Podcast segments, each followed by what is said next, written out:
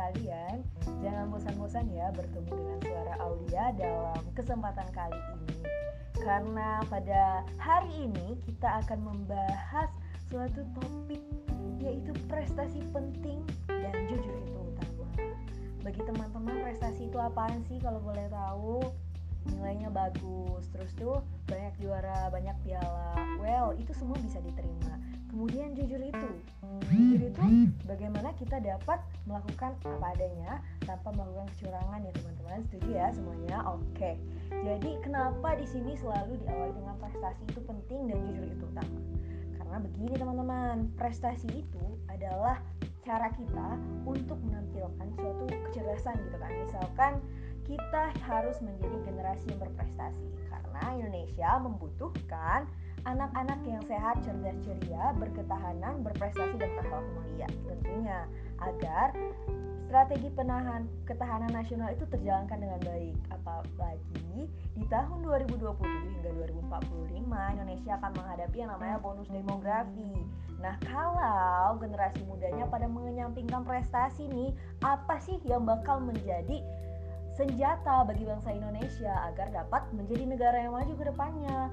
Dan prestasi itu ya teman-teman, kalau boleh tahu, ternyata itu nggak hanya dinilai dari sistem kognitif atau penilaian kognitif yang ada di kelas. Prestasi itu udah banyak sekali contohnya. Contohnya prestasi di olahraga. Jadi teman-teman kalau seandainya mau berprestasi sebenarnya kuncinya itu jujur loh teman-teman. Karena kenapa?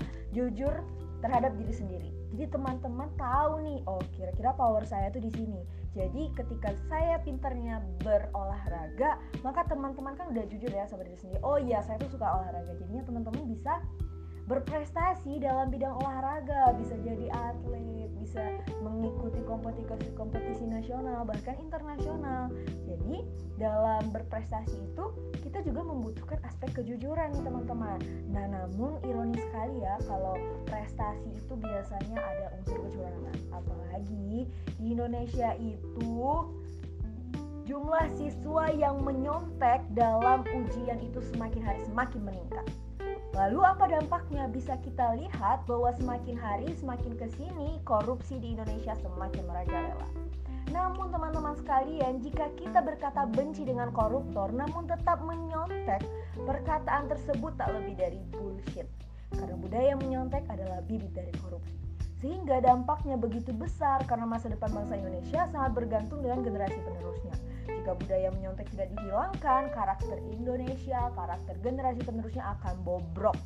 Dan ketika hal itu terjadi, maka Indonesia tidak lagi memiliki orang-orang yang jujur. Karena Indonesia itu sendiri sudah dikatakan membutuhkan orang-orang yang jujur. Karena orang yang pintar itu sudah banyak, tapi orang-orang yang jujur masih bertanya-tanya. Jadi, mulai saat ini memang pemerintah juga harus memiliki PR besar yaitu menghilangkan budaya terlalu mendewakan kognitif, penilaian kognitif. Namun kita sebagai generasi berencana, generasi Indonesia yang berakhlak mulia tentunya tetap melakukan kejujuran itu sendiri karena pepatah lama berkata if you want to change the world be the change yourself. Semuanya dimulai dari kita. Kalau bukan kita siapa lagi? Kalau bukan sekarang kapan lagi? Aulia Aladawia pamit undur diri. Terima kasih. Wassalamualaikum warahmatullahi wabarakatuh.